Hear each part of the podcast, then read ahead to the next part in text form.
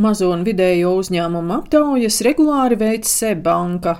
Bankas valdes loceklis Arnis Kapars stāsta, ka šogad banka skaidroja uzņēmēju viedokli par Eiropas zaļo kursu un klimata pārmaiņām.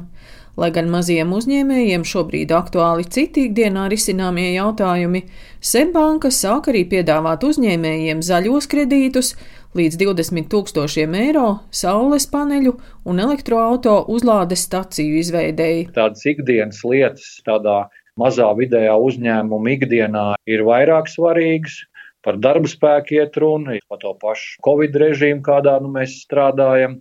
Bet labā ziņa, ka Nu, viena no trim lietām, par ko uzņēmēji runā, ir zaļā transformācija un biznesa modeļa pielāgošana, lai kļūtu uzņēmums modernāks, atbilstošs tai vīzijai, uz kuru kopumā Eiropas Savienība un tāda modernā pasaule virzās. Ņemot vērā arī elektrības rēķinus, kur te pārsteidz mūs visus kopš rudens, nu, mēs nolēmām, ka mēs gribam uztaisīt piedāvājumu. Ja uzņēmums grib iegādāties saules baterijas, tad mēs būtu gatavi izsniegt kredītu, kas ir bez nodrošinājuma un pietiekami lēts, lai uzņēmums sāktu mazliet investēt tādā energoefektivitātē savā zaļumā. Tātad līdz 20 tūkstošiem kredītu saules bateriju iegādēji bez kaut kādām papildus ķīlām.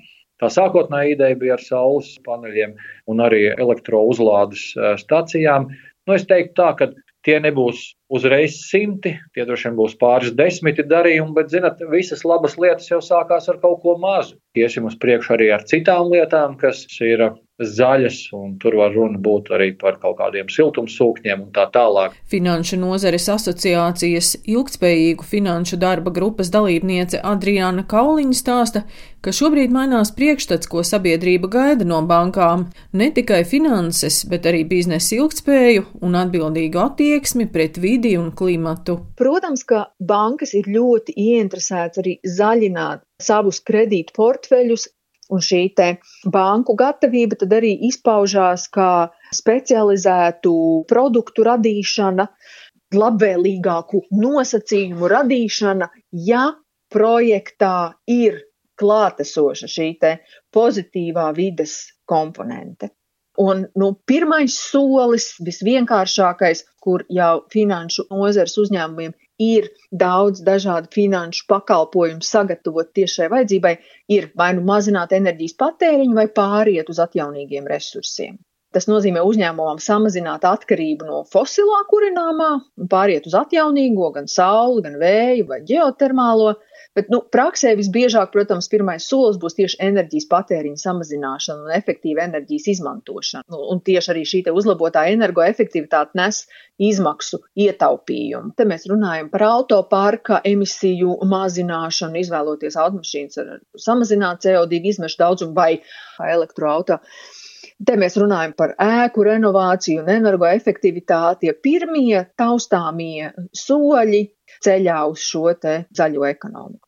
Latvijas Bankas finanšu stabilitātes daļas vadītājs Armāns Pogulis uzsver, ka ieguldījumi zaļā kursa pasākumos jāuztver nevis kā izdevumi, bet kā investīcijas. Bieži vien Runājot par zaļo kursu, mēs saprotam to, kā izdevums transformēt ekonomiku, atteikties no oglekļa emisijām un ieguldīt kaut kādā energoefektivitātes uzlabošanā, kas būtu it kā uzspies no ārpuses. Patiesībā tas ir diezgan neizbēgams process, jo no oglekļa emisijām būs jāatsakās. Un otrkārt, tās ir arī īstenībā uztverams kā investīcijas, jo virzībai uz zaļo kursu daudzām lietām ir pat ekonomiski lielāks izdevīgums. Piemēram, iegādājoties saules baterijas, tās atpelnās aptuveni desmit gados, un finanšu pasaulē atdeve, kas ir desmit gadu laikā salīdzinoši drošiem ieguldījumiem, tā ir ļoti laba atdeve. Skatoties uz nākotni, uzņēmumiem eh, ieguldījumi zaļajā kursā, un tās ir investīcijas drošākā, stabilākā darbībā nākamajos gados, prognozējumākos izdevumos kas ir ļoti svarīgi to ilgtermiņa attīstībai. Energoefektivitātes aizdevumus uzņēmumiem izsniedz arī finanšu institūcija Altuma, lauksaimniekiem, saules paneļiem un citām zaļajām investīcijām lauku atbalsta dienests Daina Zalamane, Latvijas radio.